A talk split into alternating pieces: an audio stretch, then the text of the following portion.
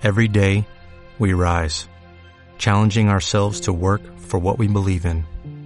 At U.S. Border Patrol, protecting our borders is more than a job, it's a calling. Agents answer the call, working together to keep our country and communities safe. If you're ready for a new mission, join U.S. Border Patrol and go beyond. Learn more at cbp.gov/careers.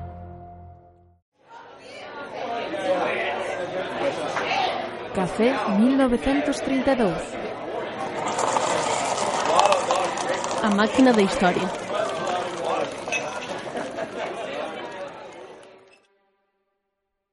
Ola, boas. Isto é Café 1932, un espazo da Comisión de Historia da Xentalla do Pichel, na Radio Calimera, e hoxe temos como invitada a Carmela Sánchez Arines. Eu son Dionisio Cancela e os mandos da cafeteira temos a Xesús. Boas, Carmela. Que tal? Boas. Bueno, eh, como algúns dos nosos ouvintes nos recomendaron, imos empezar por presentarte, algo que parece importante, pero que se nos olvidou no último no primeiro programa. Bueno, Carmela naceu en Vila García, pero criouse na Estrada, eh, polo tanto decimos que é da Estrada. Dende nova ali participou no asociacionismo, na Asociación de Tempo Libre eh, donde fixo cursos de monitora e directora de actividades. Mais adiante, cando xa medrou un pouco, estudiou Historia da Arte aquí na USC, en Santiago. Finalizada a carreira, cursou o CAP, especialidade en Arte Sacro e Patrimonio Histórico. Finalizado isto, traballou no Museo de Pontevedra e no Museo de Arte Contemporáneo de Vigo. E xa, no 2005, funda Etnoga, empresa na que actualmente sigue traballando pero no 2009 ampliou os seus estudos Eh, sobre arquitectura civil, o tivo diploma de, de estudos avanzados sobre arquitectura civil do século XIX e XX no Deza Tabeirós. E eh, comezou a investigación doutoral centrada no traballo do ferro das antigas fundicións galegas e o seu reflexo na arte sobre todo centrado en arquitecturas e cemitarios que son as súas principais teimas. Ao mesmo tempo tamén é técnicas de sendeiros da Escola Española de Alta Montaña é unha parte fundamental do equipo de Patrimonio Galego.net algo que engadir, olvideime de algo ou... Non, non, perfecto. Bueno, de fundamental tampouco que sexa Pero sí, estou aí en patrimonio galego. Bueno, pois como non, como non sabía moi ben por onde comenzar Porque tocas tocas tantos paus que, que, que é difícil saber por onde Pois vou comezar por o final. Perfecto. Que, que estás facendo neste momento así de máis recente? Aproveita para facer publicidade, se queres.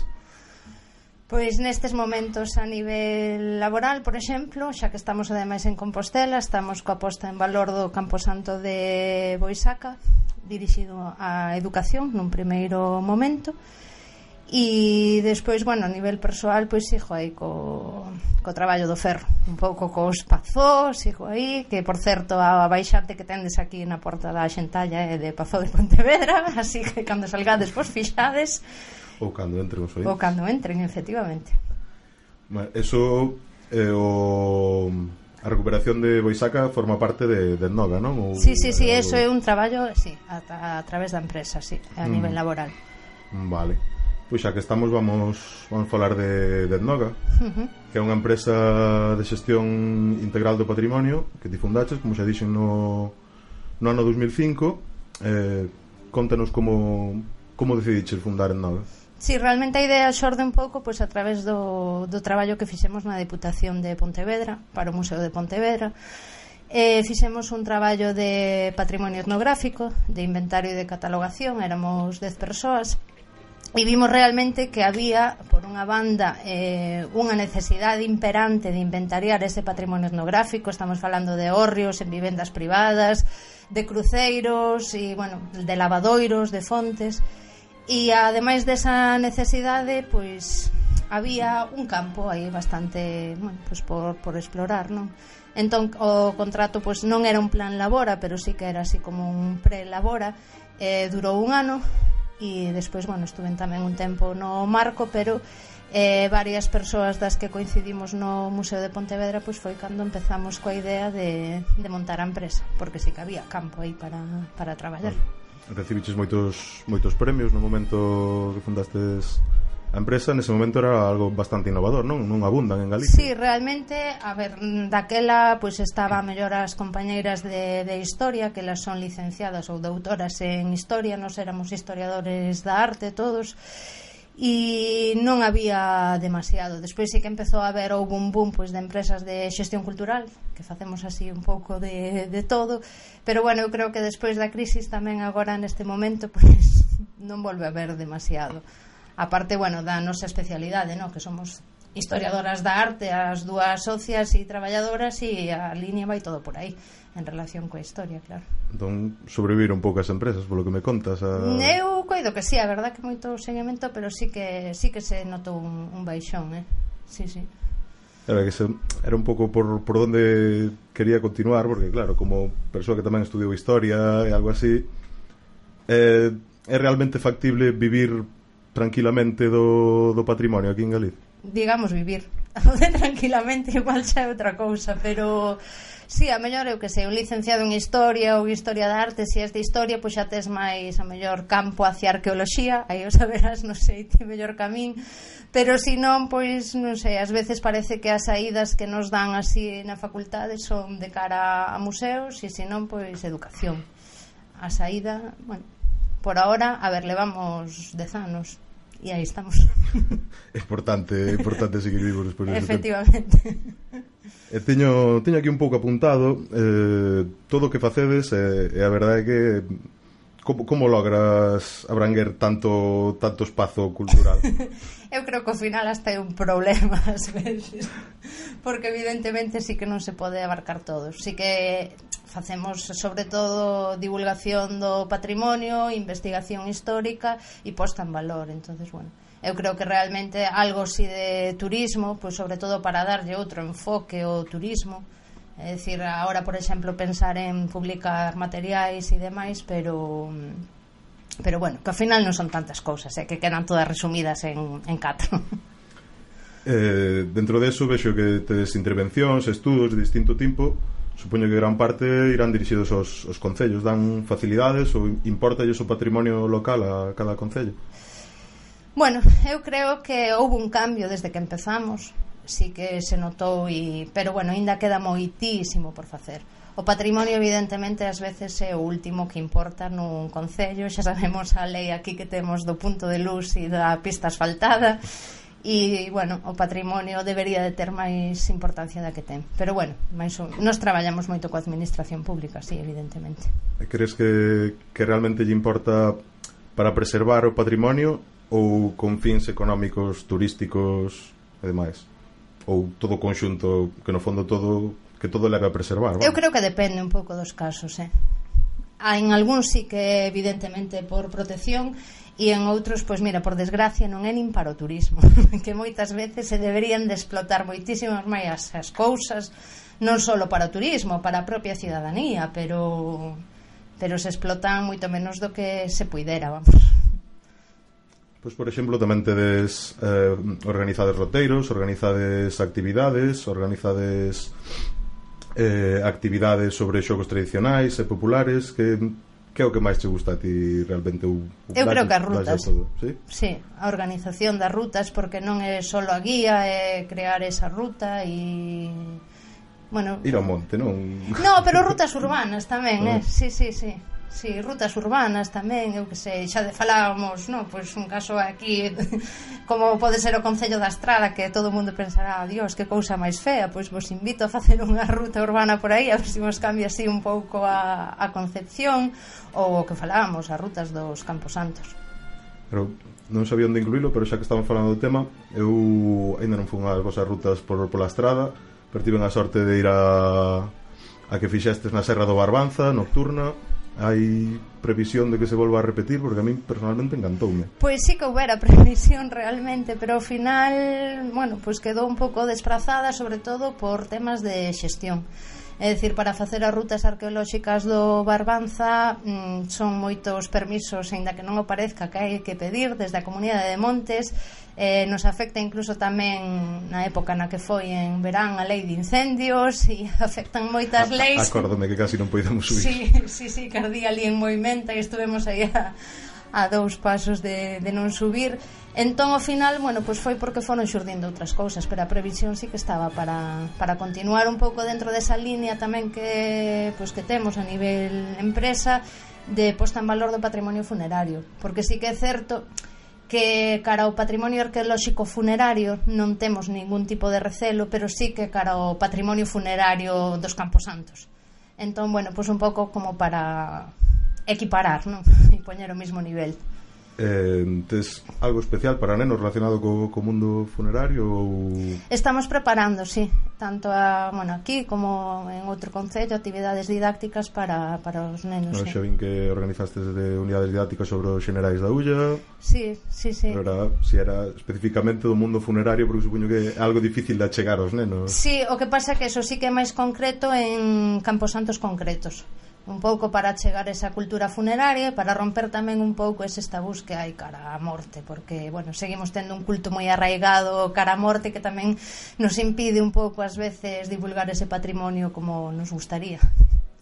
E continuando cos nenos, pero cambiando un pouco o tema, porque dos cemitarios xa, xa falaremos máis adiante, eh, tamén alugades, eh, facedes actividades con xogos tradicionais e populares, como, como se achegan os nenos a iso? Pois mira, este fin de semana ainda estivemos en Foz, facemos xornadas como lle chamamos nós de patrimonio lúdico. E a verdade é que unha, bueno, parte, unha das teimas no, é que que se vexan eses xogos tradicionais como un xogo máis, é dicir, eh, estivemos tamén campamento na illa de Ons, era Ons ou Cíes, ai, dios mío, ahora xa non me acordo, en Ons, en Ons, en Ons, en Ons. En Ons. E a idea era un pouco iso, no? que a xente que participa, pois que tanto poida ter un balón de fútbol, unha pelota de básquet ou que poida haber uns zancos ou un diábolo, que tamén é un xogo tradicional antiguamente de niñas.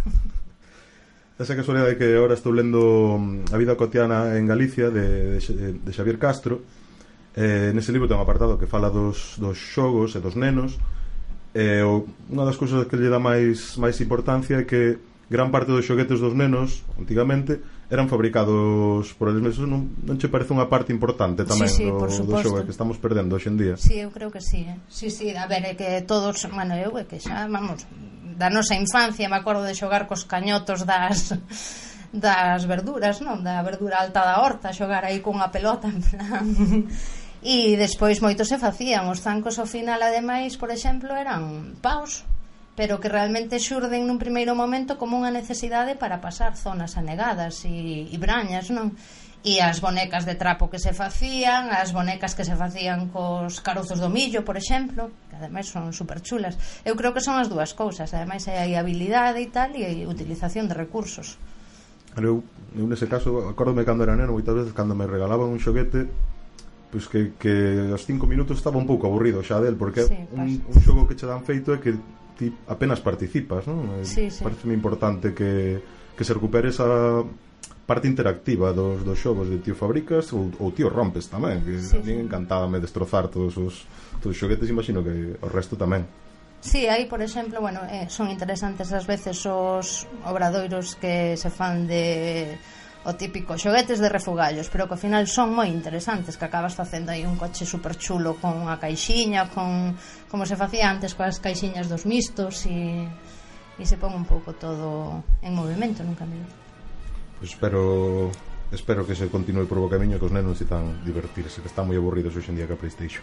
Sí, ou cos móviles xa directamente. Eh, e continuando con Endoga, cambiando un pouco de tema, seguides xestionando o Centro de Interpretación das Torres Arcebispais, que foi sí. en 2014. Que tal esa experiencia? A verdade é que é moi positiva. Eh, seguiremos en principio hasta xullo deste ano.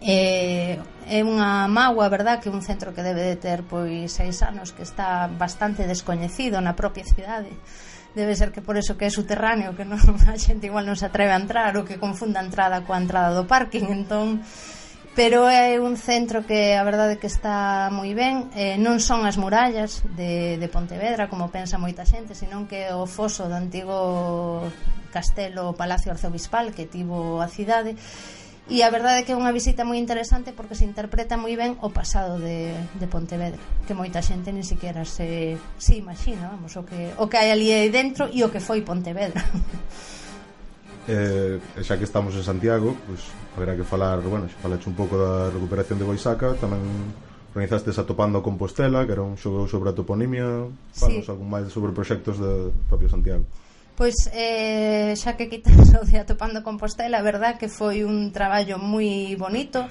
Explico, bueno, foi un xogo que se fixo de, de tabuleiro, un xogo de, de mesa sobre a toponimia do Concello, que a pesar do que algunha xente pensaba é extrapolable a calquera outro Concello de, de Galiza e que moita xente, moitos mestres, sobre todo os profesores de secundaria, levaron o xogo para traballar nos seus centros, aínda que non foran de Compostela, E foi un traballo, verdad, que foi eso, moi satisfactorio, colaboraron con nós tamén importantes, bueno, pues, eh, especialistas na materia, como pode ser Gonzalo Navaza, e, sin embargo, pues, quedou aí un pouco esquecido. Xa desde que se fixo. Non tuvo unha, unha divulgación nada boa e de feito, pois mira, unha proposta para o Concello. Se pode volver a editar e darlle o valor que ten que a verdad que o xogo quedou moi moi ben. É unha especie de trivial. Esperemos que Martiño Noriega nos escoite. Por eso, entón. oxalá, escoitade por aí. Ademais, non levas normalización lingüística, pois aí está a toponimia do Concello. que dá para moito, demais, eh? que despois dá para poder facer roteiros e demais. Ademais, un concello con tanta historia como, como de Santiago que hai... Sí, sí, e que ademais aí se utilizou, vamos, a toponimia maior e a microtoponimia porque Xosé Ramón Boullón fixera tamén recollida de microtoponimia e tamén participou no no proxecto, entonces bueno, hai preguntas de, de todo temáticas e incluindo eso desde microtopónimos hasta o topónimo tan polémico como Compostela. non imos entrar nisso no, porque podríamos ter tarde. Pero bueno, animamos ao alcalde de Compostela e a moitos outros de Galiza que sí, sí. que realizan actividades para chegar o coñecemento patrimonial e cultural que, que temos tan amplio aquí, por sorte. Pero xa que xa que foches introducindo o tema funerario, vamos intentar pasar aos aos cemiterios, aos cemiterios históricos que unha rapaza tan simpática como a ti e alegre, de onde lle ven ese, ese interés? Pois a verdade que non o sei, eh? Debe de, non sei, eu sí que lembro, pois non sei, que na miña casa, por exemplo, nunca houve o costume de ir ao cementerio porque, bueno, pois nunca tuvemos a ningunha persoa falecida, os meus avós morreron fai moi pouco de vellos, entonces non sei, a mellor non lle teño ese recelo que lle pode ter outra xente porque eu non teño o costume de ir. E despois sí que lembro, a mellor para min de pequena, un dos cementerios así máis grandes e máis bonitos era o de Vila García claro, tampouco coñecía outro aparte dos que hai ao lado da, da miña casa e E a verdade é que non o sei, pero a verdade eh, sí que é certo que é un patrimonio que está super esquecido e hai unhas riquezas impresionantes. Me dá igual falar de cemiterios urbanos que de cemiterios rurales, eh. O sea, hai cousas moi moi boas artísticamente. É unha cuestión simplemente artística, non, non, non tes interés no, no mundo da morte como si como en sí, digo. Eu creo que máis ben sí que é o conxunto, é dicir, a historia que agochan detrás, a arte, a arquitectura, a escultura e evidentemente as tradicións tamén relacionadas coa morte tamén son moi interesantes. E moitas que parece mentira, mellor que a día de hoxe siguen siguen vixentes, non? Como, non sei, o de meter un neno dentro, eso, pois na Arousa aínda si hai moitas tradicións que che parece increíble, pero que escoitas que siguen aí como antes, ou o de afumar, ou... Entonces, bueno, eu creo que está todo relacionado, forma parte de todo dese conxunto de patrimonio funerario, como me gusta chamarlle a min. Entón, non pensas que sexa un tópico que, que os galegos seamos un pobo moi próximo a, ao mundo funerario, á morte? Eu creo que é unha realidade, non sei. Eu creo que si sí, o culto hacia a morte aquí está bastante moi arraigado e é unha tradición, non sei. Eu vivo agora máis, non sei, en Noia, que agora é onde vivo, bueno, a tradición de ir ao cementerio na miña aldea nunca a vin así tan de cerca, eh. Xa non é só de ir ao cementerio, é te lo próximo sí, tamén, sí, sí, claro, xa sabemos sí, sí. todas as polémicas que hai, que hai por esas cousas. Sí, sí, e a legislación, que todo empeza un pouco por aí tamén. Eh, e pensas que esa relación próxima foi, foi sempre así? Eu xuraría que sí, pero bueno, tampouco aí xa non... Claro, gustaríame facer un percorrido máis ou menos do mundo uh -huh. do patrimonio funerario galego que evidentemente hai que empezar polo megalitismo que sí, primeiro supuesto. primeiro restos que temos previamente aquí o, o chan galego non permite conservar os propios restos mortais entón eh, xa, xa parece unha relación especial a, a, dos, a dos constructores dos propios megalitos con ese, porque non son só monumentos funerarios, son algo máis que iso. Sí, sí, eu creo que sí, é dicir, ademais todos os enseres, no, ese, ese enxoval que acompañan o defunto, eu creo que é unha relación que ven, claro, evidentemente desde, desde a prehistoria, vamos. Eu, xa non falaba só do enxoval, falaba do, do propio uso do do megalito da mámoa como, como elemento de marcar territorio, de camiños, de propiedade. Sí, sí, sí, sí, sí. Feito é un pouco unha cousa así un pouco tola que, que penso a veces, pero dá a impresión de que o, o aprecio que temos os galegos polos marcos e pola morte ven un pouco do propio megalitismo. Pues pois pode vir, efectivamente. que funcionan un pouco como iso. Igual ahora non chama ninguén porque non temos teléfono aquí pero pero igual me di algún experto que son a tolería miña pero bueno. Sí, sí, pero podes.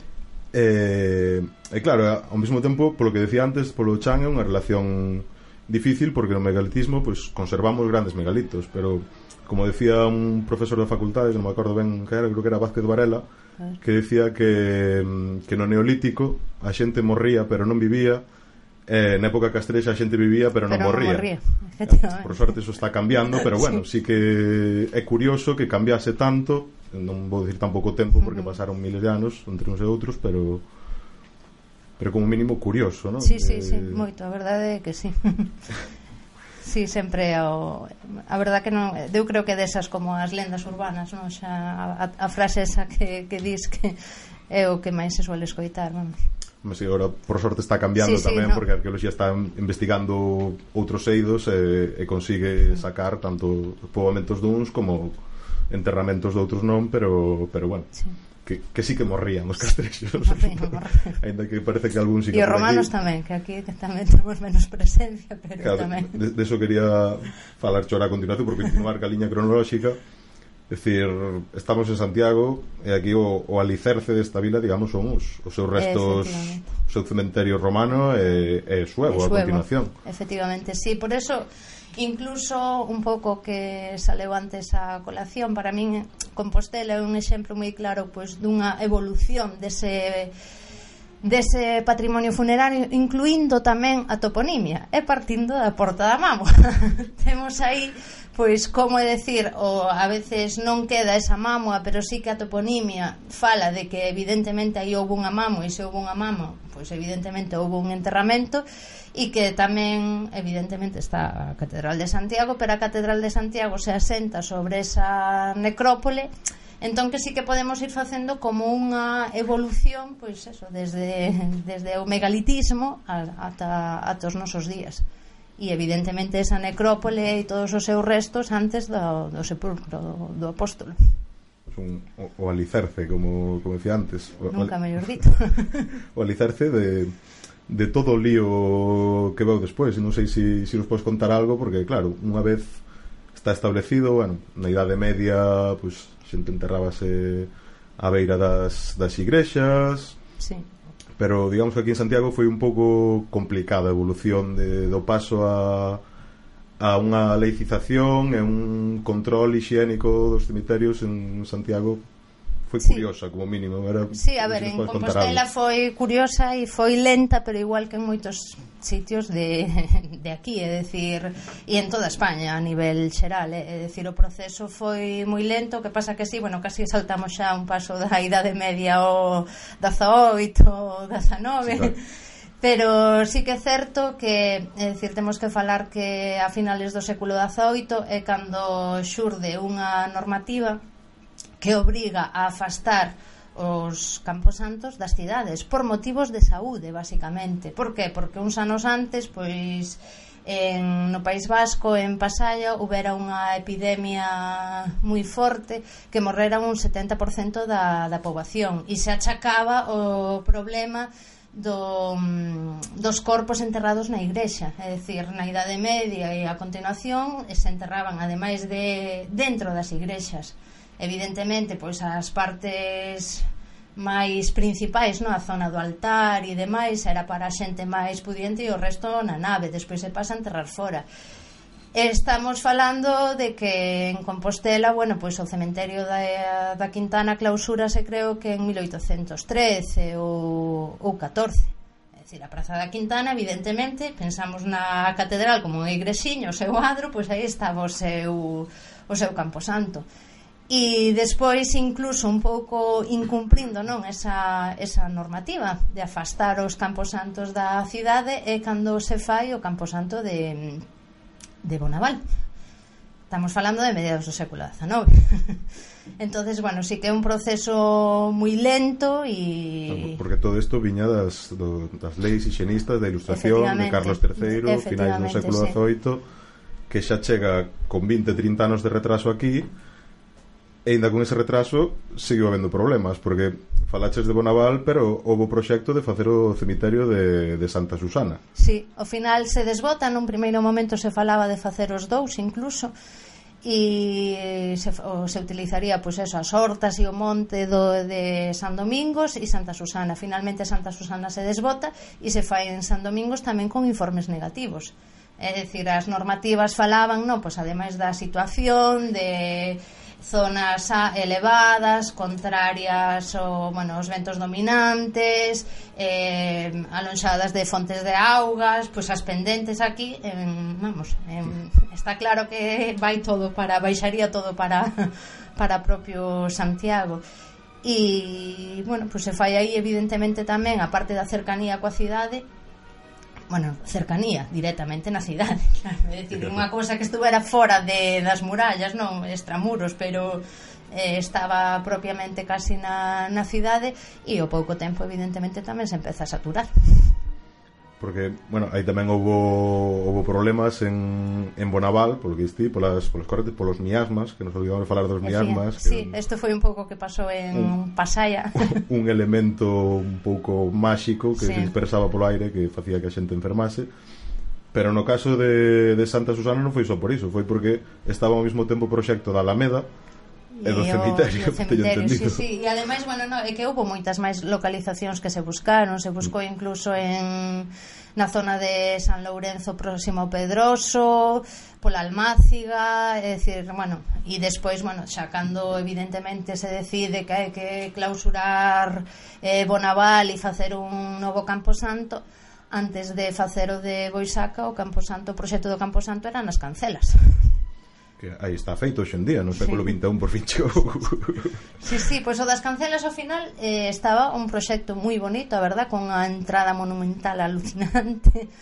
E se, se creo que se acaba desbotando porque tamén hai un cambio na legislación de que tiña que ter espacio suficiente para non remover a, pues, a, as terras non en 20 anos. Entonces parece que ao final hasta as cancelas se quedaba se quedaba pequeno. Música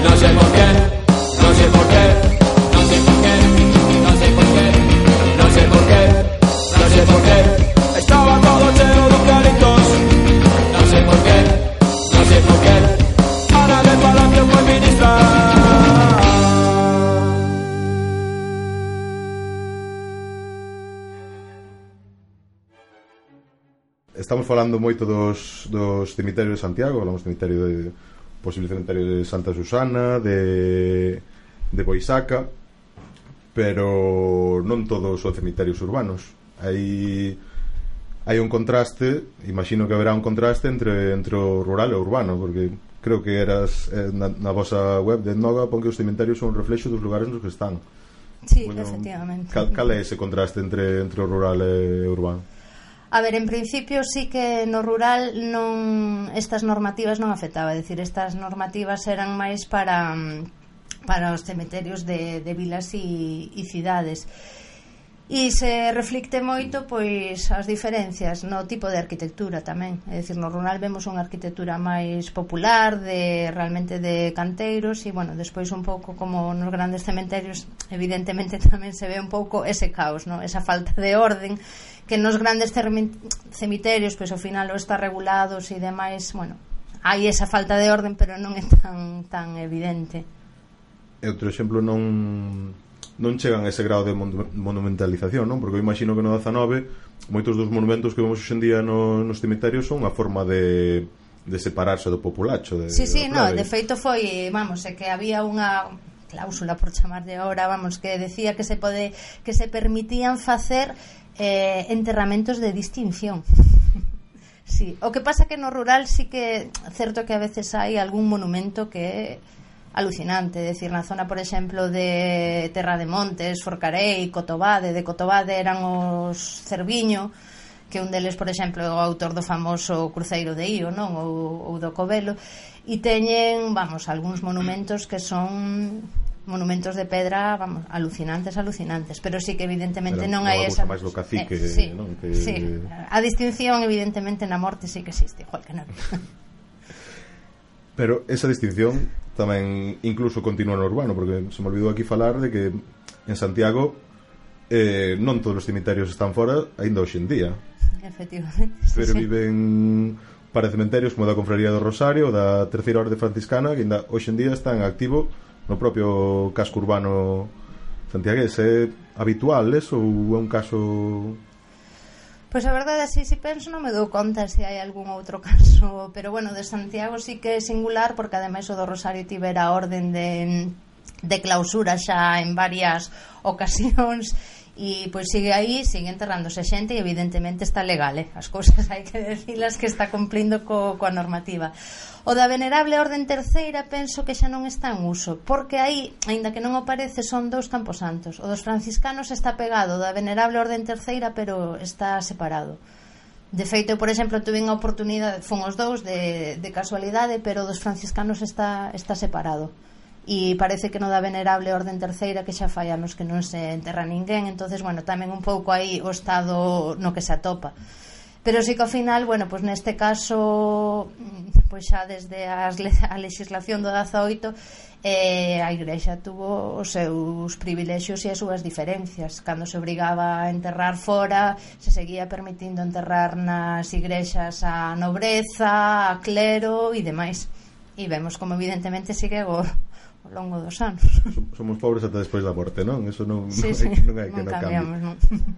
Despois, ainda hai outro caso curioso que é o, o cemiterio da, da Pastoriza. Ai, efectivamente. Que, que bueno, eu coñecío por, por cousas que me contaban compañeiros como cementerio dos carlistas, pero explicarme que non, que non é un simple cementerio de carlistas, que é algo máis. Pois aí xa a verdad que moito non vou a poder entrar, pero sí que o, o que sí que sempre tuve curiosidade, eh, creo que non queda nada, está todo levantado, me parece. Queda ¿no? a porta, polo sí, que Sí, que eu vexo. creo que é o, o único que queda aí, pero a verdad que aí sí que ahora mismo xa non. Bueno, quedan as misas dos carlistas, creo. Sí, sí, eso creo, creo que... que todos os anos aparecen e fan a foto diante da, da portada, unha portada moi interesante, a verdade que sí, ademais aí a situación que ten que está bastante céntrico e ese foi un cemiterio que se usou tamén como cemiterio provisional cando se clausura a Quintana.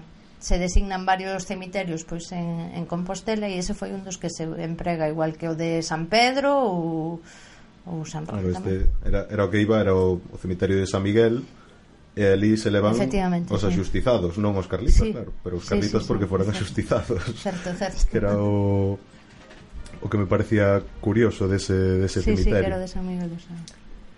Eh, aquí tamén teño outra cousa que me olvidei falar antes que ti, ti mesmo dixeches na Idade Media tamén hai moitas necrópoles que hoxe en día están prácticamente abandonadas non?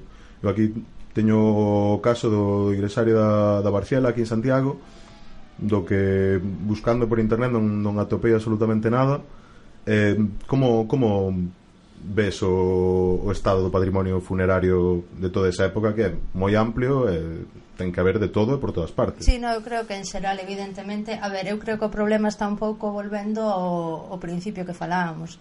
Si o patrimonio máis monumental pois moitas veces está como está, evidentemente, pois este sería pois deses outros patrimonios que é moito máis esquecido, é dicir, ás veces, bueno, pois é así de triste. Falando, pois non sei, de de pois para poñer un punto positivo, non? un camposanto que sí que está pois en nunhas condicións bastante decentes e que ademais ven desde a idade media e que sigue en uso é o de Noia. Santa María Nova de, de Noia é un cementerio que realmente sí que é coñecido pois pola colección de laudas medievais que ten pero que é un campo santo que, claro, a mí faime gracia porque normalmente a Santa María Nova se vai a ver o museo e a ver as laudas. Eu creo que é todo conxunto, é dicir, un cemiterio que hoxe en día está, está en uso e tamén se conservaron pois todas esas laudas que hai, que hai unha mínima parte exposta da cantidade de laudas que hai ali amontonadas e se conservaron porque foi un campo santo que sempre estuvo en uso sempre, sempre eh, sea que estamos con isto en que, en que consistirían eses proxectos de, de posta en valor dos cemiterios? que, que actuacións facedes? Básicamente temos dúas líneas e a divulgación eh, básica e o achegamento pois eso, a cidadanía e, e bueno, a educación non? aos nenos e as nenas entonces eu creo que evidentemente se dá para facer moitísimas cousas dentro da posta en valor, podes facer folletos divulgativos, unha páxina web e demais, pero eu creo que o esencial é facer ese achegamento e ese coñecemento e que despois tamén, bueno, favorezca un pouco pois o mantemento, non? porque aquí mesmo en Boisaca pois a visita que tivemos despois as críticas que había é do estado no que está é dicir, entonces que aparentemente é moi positivo pero a xente que ten ali os seus difuntos pois a mellor non está non está completamente de acordo. Entón eu creo que é básico iso, o achegamento á, a cidadanía, romper ese esta búscara da morte e poder ver o, pois eso, unha ruta nun nun cemiterio, pois nesa cidade dos mortos, das persoas falecidas, como na cidade das persoas vivas. Ese crees que é o seu principal atractivo? Como, como se lle vende a xente que visitar un cemiterio é algo cultural e interesante? Pois eu creo que por toda a historia e por toda a arte que, que hai detrás. Eu penso que sí, é dicir, ao final Boisaca é o reflexo da cidade é o reflexo pois desde que falábamos desde esa mamo, desde ese, desa necrópole eh, sueva desde o propio apóstole hasta a propia cidadanía é dicir ademais de toda a historia que ten detrás e, bueno, neste caso vou saca tamén co, cos episodios tamén graves que ocorreron ali da, da Guerra Civil, non? Pois, pues, eh, é algo curioso de Boisaca que a xente non quería ir enterrarse a Boisaca precisamente por que pasou unha guerra civil ali é algo sí, sí. Que... e as condicións creo que tampouco eran moi boas ao principio me parece sobre todo, bueno, pois pues igual en Pontevedra pasou un pouco o mesmo, non? Se fai o Campo Santo a finales do, do 19, o que sería hoxe un dos municipais, pero as condicións eran bastante nefastas. incluso, bueno, si sí, que teño aquí este moi eh, ademais houve outra das normativas, non? que obrigaba a ter unha parte para non católicos, entonces había unhas claras diferencias, sobre todo, bueno, polo que se ve na, na prensa, non? entre a parte de católicos e a parte de, de non católicos. Aquí de Compostela pois hai algunha crónica da prensa que o di, por algo tamén se chamaba Lagoa dos, dos Corvos nalgúnha noticia, que non é Lagoa dos Corpos, a pesar de que non sei se pronuncio mal, porque houve unha vez que houve quen me transmiteu non Lagoa dos Corpos, non é dos Corpos, senón dos Corvos, pero porque había problemas de filtracións. E en Pontevedra, por exemplo, no 27 había unha, unha carta no, na prensa que facía unha petición justísima en el cementerio e falaba que observando que en los días de lluvia, que aquí son la mitad del año, Por deficiencia de las obras de desagüe del terreno se inundan los departamentos interiores de aquellos y los eh, primeramente los féretros y más tarde los cadáveres. Cuando las cajas se pudren y rompen, flotan en aquellas sucias y empozadas aguas. E isto é Pontevedra, pero miras nas crónicas dos cemeterios de Odito, aquí en Boisaca, pasado o mesmo e por, bueno, pois por construccións un pouco deficientes ao principio e problemas sobre todo de, de augas. E iso que obligaban a pedir dous informes médicos, pero sobre, sobre o terreo e a situación. Eh, falabas agora da división dos cemiterios entre católicos, non católicos, a xente que suicida, os axustizados. Eso supoño que eh, é unha cuestión de, da propiedade do cemiterio. Como, como foi ese paso da propiedade da igrexa o estado da laicización dos, dos cementerios? Realmente desde a lei os cemiterios empezan a ser municipais, pero son municipais cunha forte mm, presenza da, da igrexa e realmente os cemiterios non se municipalizan, aínda que son municipais, non se municipalizan hasta a Segunda República, basicamente. De feito, moitas polémicas en moitos dos camposantos, volvo, por exemplo, o caso de Pontevedra foi polas chaves, donde están las llaves? Polas chaves do camposanto, porque a pesar de ser un camposanto municipal, estamos falando de finales do 19, a igrexa quería ter a súa propia chave do Camposanto e houve un problema e se tardou pois a mellor tres anos en arreglar ese problema para abrir o cemiterio. E estes cemiterios tiñan que estar separados. Por exemplo de Vila García no primeiro proxecto obligaba para poder acceder ao cemiterio de disidentes atravesar polo católico. E houve que cambiar o proxecto para que tivera unha entrada aparte parte e do outro, xoia, totalmente separados. Despois sí que eh, se mandan, bueno, si tamén coa Segunda República, se mandan tirar as tapias, que os cemiterios son iguais para todo o mundo, ademais de que volvemos ao mismo, non son cemiterios municipais, pero despois obrigan outra vez a levantar esas tapias, evidentemente. Eh, todo iso require unha planificación que, que é moi importante non só a planificación do inventario, a planificación urbana. Isto forma parte da, da ilustración e do liberalismo e como, como se reflicte eso para, para a cidade. Sí, realmente, a ver, entra un pouco pues, no, eh, coa restauración borbónica, é dicir, cambian o, o concepto de cidade, non?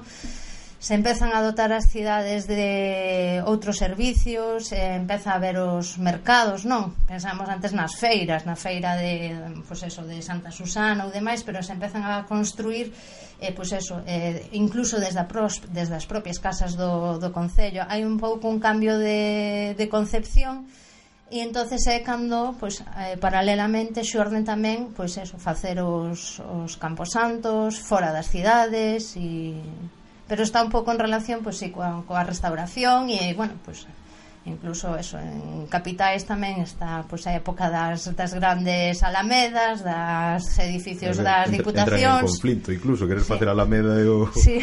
cemiterio sí, sí, no mismo sí. sitio é curioso como mínimo sí, sí, sí, pero vamos é eh, dentro deste, deste cambio de concepción que realmente esas vilas empezan a, cre, a crecer como, como cidade e entonces hai certos servicios pois pues, para dotar tamén a a esa burguesía tamén de, esa de desa época. Eh, e agora penso que xa xa que estamos falando da planificación podemos eh, enlazar con outra das, das túas teimas porque eu podería falar de mortos todo o día penso que tamén sí. de patrimonio funerario pero igual a xente non non lle acaba de, de convencer no, o tema invitámolos a unha visita cando haxa. Correcto.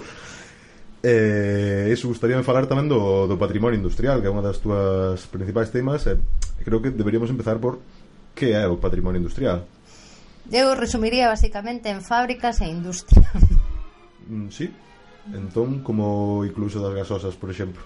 Son industria, non? Fábricas. Claro, pero refírome... Eh, de feito era iso un pouco que quería ir, porque eu cando penso en patrimonio industrial, o primeiro que se me ven á cabeza é a Tate Modern en Londres, ou as curtidorías aquí en Santiago, sí, pero, grandes, vez... pero entra claro. dentro as, as pequenas cousas tamén, non? Sí, porque eu creo que ás veces eh, non é solo ese continente, non, senón tamén ese contido, o proceso, toda a historia, é dicir, hai unha historia aí detrás E no caso, por exemplo, das gasosas, pois foi un fenómeno moi curioso, evidentemente, desde finais do 19 que xurden as primeiras fábricas con outro, evidentemente, con outra visión e outro concepto diferente o que podemos coñecernos, non? sobre todo de cando éramos eh, de cando éramos pequenas, pero mm, eu creo que, por exemplo, no tema das gaseosas a mí o que me resulta curioso é o fenómeno en sí, é dicir, pequenas industrias familiares, pequenas fábricas a mellor no baixo de, dunha casa, é dicir, a mellor non hai esa arquitectura destacada, pero que sí que hai, vamos, unha calidade e nos diseños, por exemplo, é dicir, o diseño industrial é, os diseños das botellas de gaseosas é, formaría parte dese diseño industrial. Igual, debemos aclarar que hai pouco fixetes unha enquisa, unha enquisa. porque sí. o fenómeno das gaseosas é algo moi local, que en cada case cada parroquia, cada parroquia non, pero en case cada parroquia había a súa fábrica Eh, sigue, sigue aberta esa enquisa, foi unha enquisa con bastante éxito, ainda se pode participar. Sí, sí, no, está o formulario segue, segue activo. Un pouco, pois a idea foi que eu tiña unha unha pequena idea, non, para facer un artigo pensando máis en eso, nos deseños das, das botellas e incluso nos nomes das, das fábricas, a mellor, pois, non sei. Entón foi cando pois, se me ocorreu facer a, a enquisa, sigue colgada, xuraría que melarins.com barra gasosas, que aí se pode atopar. E a verdad que foi impresionante porque, sobre todo, pola cantidad de respostas que houve en menos de 10 días, pois eu creo que chegaron a ver 500 respostas de, de, de xente, sí. Si E, bueno, pois agora mesmo, ao final, entre eu tiña xa unha recompilación previa pois sobre 120, 130, ahora xa hai 200 e pico. Evidentemente, claro, estamos falando de nombres e de marcas pois dos anos 50, 60, 70. Entón eu agora o que empecé foi máis a indagar nas de finais do 19, é dicir, cando realmente xorden aquí en de feito, unha das primeiras é de aquí en en Compostela, la Camelia de no, no. 1874 ou por aí. Eu eso no momento imagino que foi todo un fenómeno que apareces en tantas fábricas porque a xente aquí bebía pois viño e auga basicamente, imagino auga pouca. Sí, e o viño igual era moi malo, entonces eu creo que a mellor unha das cousas debe de estar por aí para rebaixar aí. O verga eso será la modernidade, sí, sí, cousa sí, sí.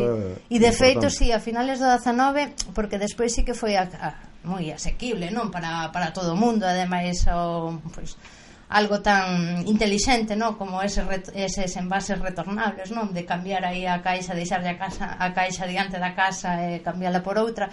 Pero a finales do 19 incluso era como un produto de luxo, eh? En plan, un, un champán. Que despois eso xa foi cambiando aí e despois, bueno, claro, evidentemente acaban un pouco caendo eh, o declive. Hoxe en día non hai sigue habendo aquí fábricas, e evidentemente en Compostela hai unha, non, pero senón que eu saiba, sigue sigue existindo, ben, pero reduciuse moitísimo o número, non? Si, sí, moitísimo. Moito, moito.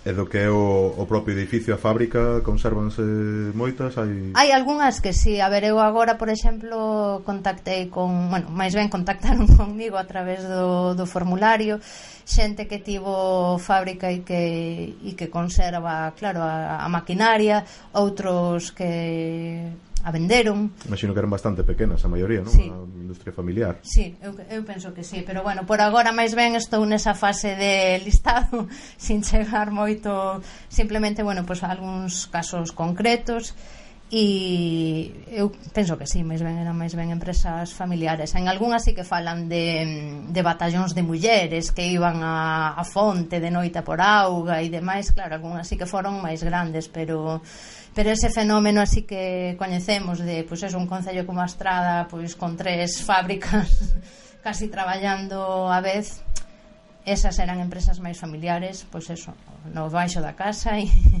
Entón, sí que non falamos aí dunha arquitectura realmente industrial, pero sí dun fenómeno.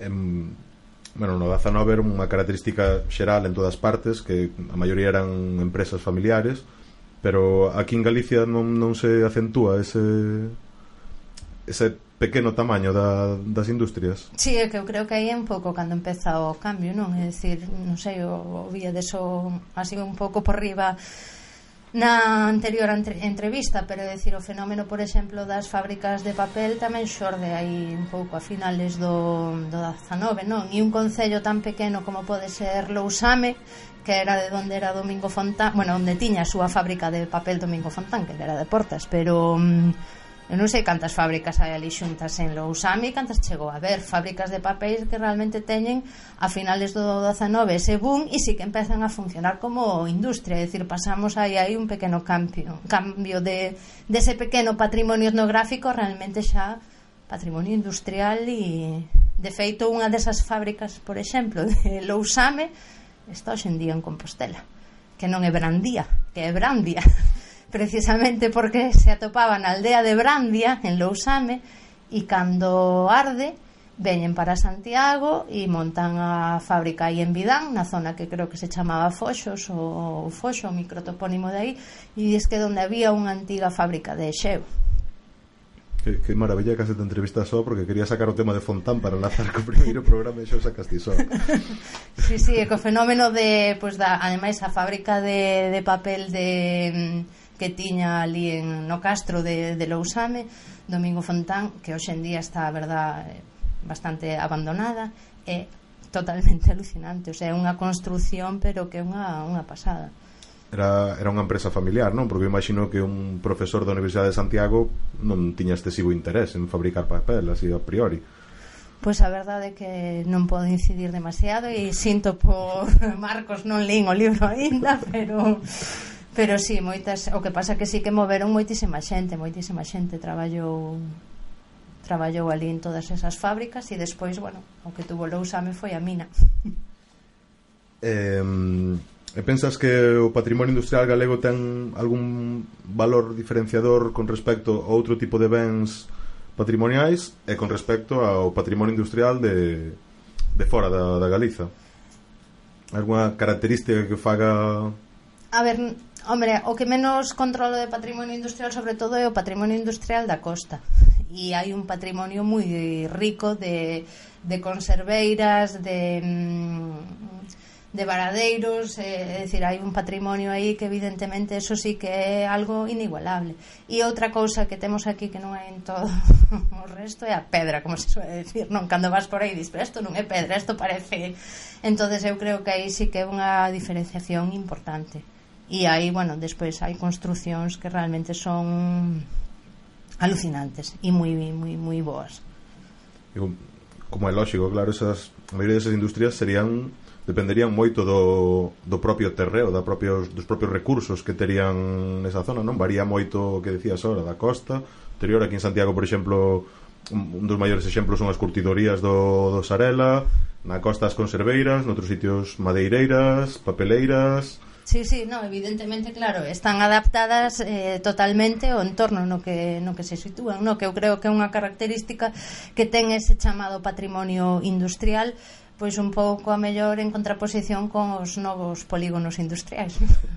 ah. Cando se, onde se perdiu esa esa, ese costume de, de facer esas, esos edificios tan bonitos e agora facemos unha especie de alpendres pou, poucos quedan polo menos que sexan Pois mira, eh, mm, supoño que des... a ver, ahora mesmo estou pensando nun caso concreto a fábrica bonita que tiñan e a, a nave que fixeron que a fundición Pazo de Pontevedra foi despois da guerra Eu estaba, eu estaba pensando, por exemplo, na, nas centrais hidroeléctricas, a do Tamén, Tambre, que é unha sí. cousa digna de ver, e as que hai hoxe en día, pois meten un pouco de medo a maioría, sí, sí, pero... Sí. Pois sí. Pero bueno, eh, en a actualidade comeza a haber bastantes movimentos de defensa por parte de plataformas, de institucións. Crees que, que se comeza a tomar conciencia do, do valor do patrimonio industrial hoxe en día? Bueno, eu creo que é só unha parte que é o problema de sempre. Sí que se empeza a tomar moita conciencia, pero igual que co patrimonio en xeral debería de haber moita máis. E a xente que estamos a mellor máis sensibilizadas e máis sensibilizados igual somos, bueno, pois non, non toda a sociedade, evidentemente. Crees, crees que están serio risco, entón, polo menos boa parte que sí, eh? sí que sí, continúan risco, sí, sí, sí. Podríanos sí. darnos algún exemplo de, de algún edificio que xa desapareceu e que...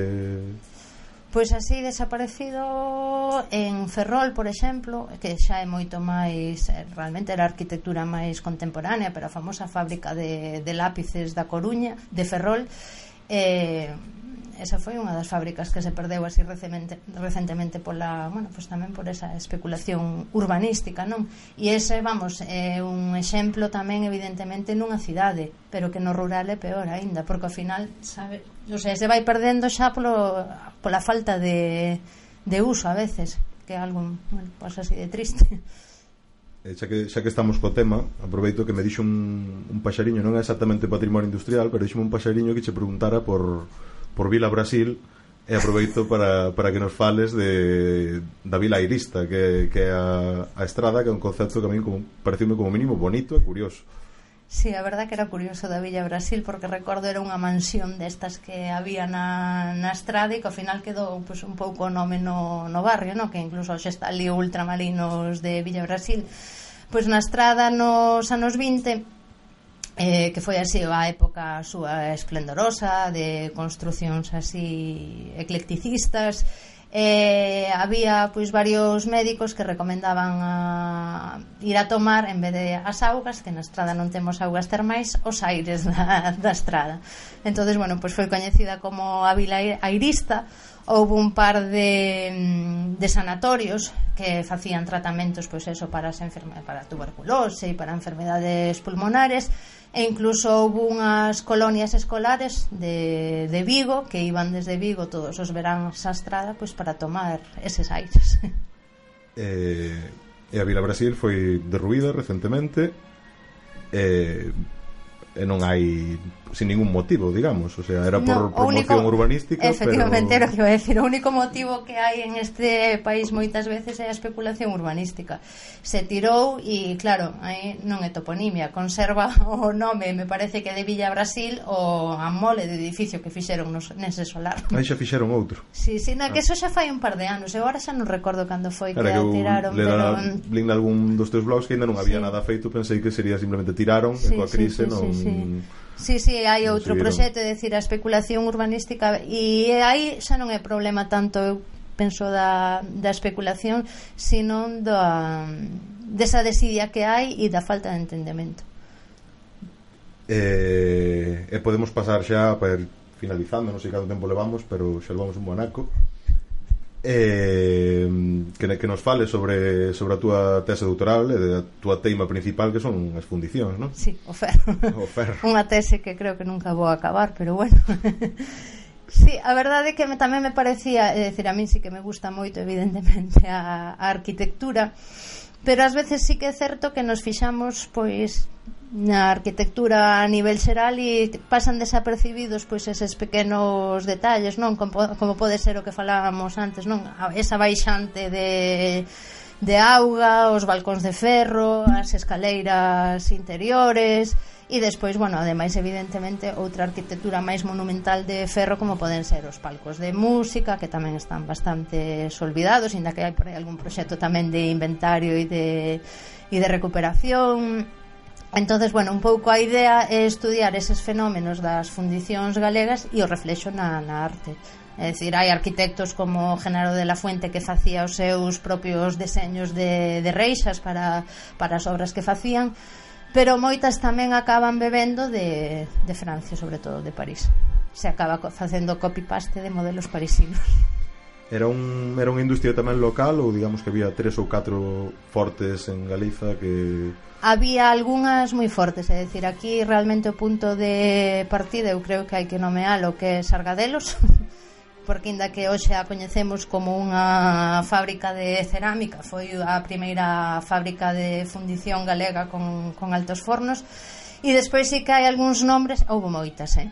pero sí que hai algúns nombres moi destacados, é dicir, en Coruña pode ser máis famoso Wonenburger, aínda que tamén ali estuvo unha das, das primeiras en, en Oza, dos Galiacho, en Ourense o máis famoso son os Malingre, eh, que máis? En, bueno, Carril, que a pesar de que eso foi Concello Independente no? e tivo o seu propio o Porto de Compostela, aínda que se lle dá por chamar a Noia o Porto de Compostela non desde a Idade Media, realmente no 19 o Porto de Compostela era, era carril a primeira liña de ferrocarril. de ferrocarril por algo tamén, porque había moita industria ali en Carril houbo tamén dúas fundicións moi importantes eh, a xente se vai pola rúa pode mirar para as tapas da alcantarilla ou para as baixantes. Alemparte é unha así das máis que hai baixantes así moi visibles en todos. E despois en Pontevedra Pazó e despois en Vigo unha das máis famosas Sanjurjo Nestes casos, claro, que pasa? Mellor a xente conoce en Vigo a calle Sanjurjo Badía, pero evidentemente os nomes veñen, veñen por algo. E Sanjurjo foi un dos fundidores así máis importantes, unha empresa que a día de hoxe sigue en pé, cambiou a actividade, pero sigue en pé desde finales do 19.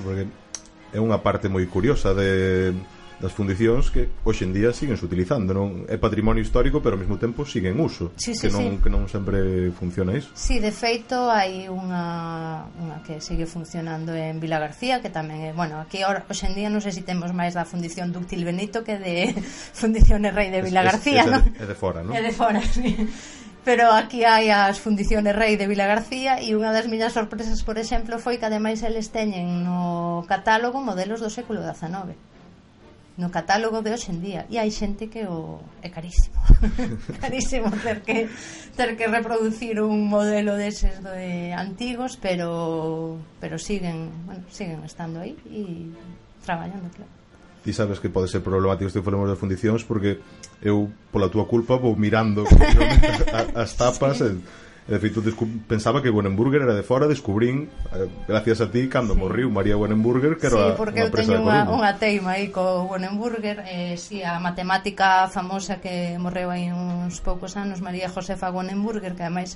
a mellor a xente tamén coñece máis polo premio que hai non de, de María Wenenburger, era filla de Julio Wenenburger, que era o propietario da fundición Entón eu levaba anos e anos intentando contactar con María Bonenburger, parece que non estaba moi ben de, de saúde, pero non o conseguí. e claro, evidentemente, pois pues, acabou falecendo bastante maior. Unha pena.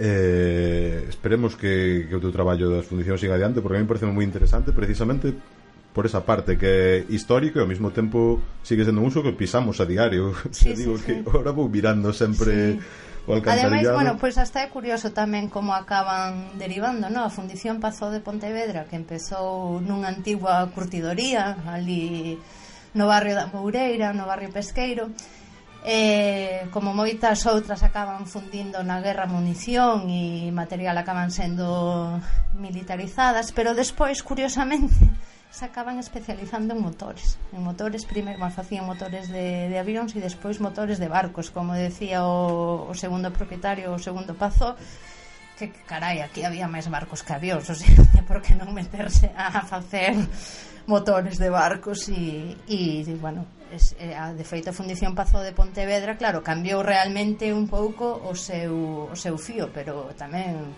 hasta 2000 é bastante que cesou a actividade eh, crees que moitas desas empresas que algunhas siguen existindo poden seguir reinventándose e continuar funcionando sí, perfectamente sí, sí. ou ou as que xa non existen os, edi os edificios que, que deixaron que, que posibilidades teñen a dan aquí temos un, un caso a nave de Vidán por exemplo en, en Santiago están rehabilitando as curtidorías que A ver, eh, a verdade é que son edificios realmente, bueno, pues incluso depende un pouco da, da ubicación que daría para facer un bloque de vivendas, a mellor de vivendas de, de luxo, ¿no? como dá, pero evidentemente é unha arquitectura moi moi moi destacada, o sea, así que dá para reutilizar de, de mil maneiras.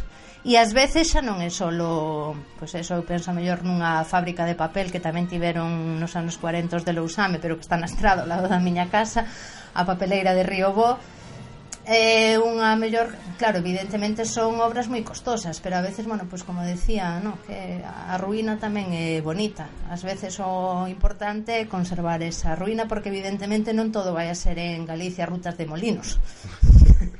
É dicir, o tema de restaurar, por exemplo, muiños vai un pouco igual que con esto do patrimonio industrial, no? Ás veces a mellor hai que conservar a, pois pues como pode ser o, o edificio que hai en Laraño e conservar pois para que non caiga e para que incluso poida ser visitado. Que se poida estudar a ruína, que a min a ruína parece un elemento importante, efectivamente, non, a min tamén. que, que, sí, que sí, e nin musealizar todo tampouco. Pero isto xa enlaza que, que probablemente sexa a última pregunta que che quería facer, que Santiago foi nomeada no 2011 sede do Centro Nacional de Formación en Materia de Rehabilitación.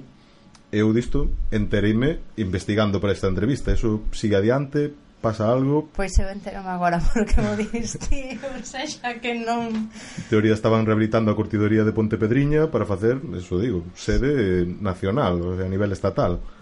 Pois ni idea, porque ademais en Pontepedriña tamén hai algo polémico con estas últimas restauracións, non, non lle obligaban a tirar, ahora mismo non, non, non quero de, debi, falar de que non sei. relacionado con esto. Pode ser, sí, sí. Pois, pois eso indica moito, non? De como, como está o estado de situación Que xente relacionada ou interesada polo tema Nin sabe como está o tema Precisamente, porque Pois pues sí, a verdad que é primeira noticia. Os, os cartos veñen de Europa e non sabemos non sabemos onde van. van. pero bueno, creo creo que me quedan moitísimas preguntas por facerche, pero por non facer máis batiburrillo, Eh, creo que creo que podemos ir deixando aquí. A última pregunta que che podería facer é quen crees que vai gañar o Tour de Francia este ano? sei que é outro, outra afición túa. Si, sí, esa xa ven así un pouco tamén de rebote. Entonces bueno, eu que aproveito tamén eh, para ver o, o patrimonio da zona e como non, os Campos Santos eso sempre. Eu creo que neste, non sei, o que temos que facer e eu creo que algo que co patrimonio é educar a vista. Pareceme, pareceme un, un gran final para esta entrevista que, que te agradecemos moito que, que nos atenderas e que viñeras aquí a, a darnos a coñecer o teu traballo. Moi ben, graciñas a vos. Hasta logo.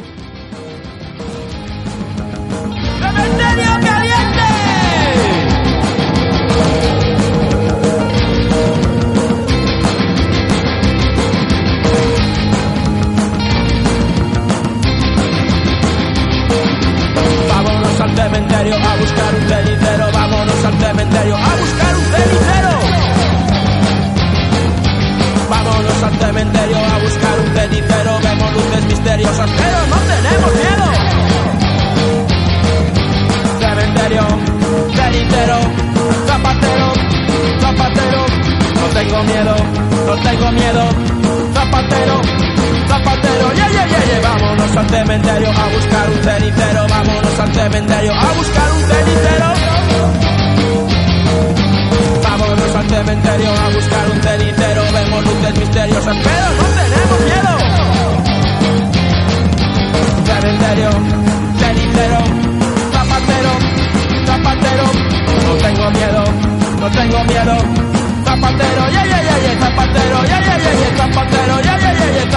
Yeah yeah yeah yeah